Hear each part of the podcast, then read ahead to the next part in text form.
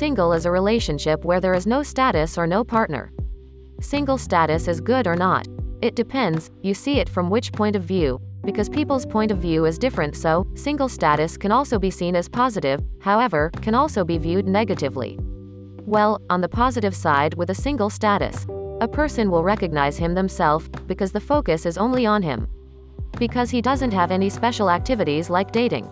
So he can use his time to socialize with other people. For example, if you have a partner, definitely.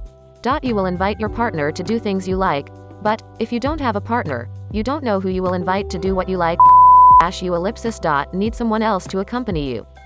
To find people who like the same thing, you inevitably have to socialize and have lots of friends so you can be invited to do the things you like. That status can also make you more productive because you can do things freely in a 2016 presentation for the American Psychological Association. DePaulo presented evidence that single people tend to have stronger feelings of resolve and experience better psychological growth and development than married people.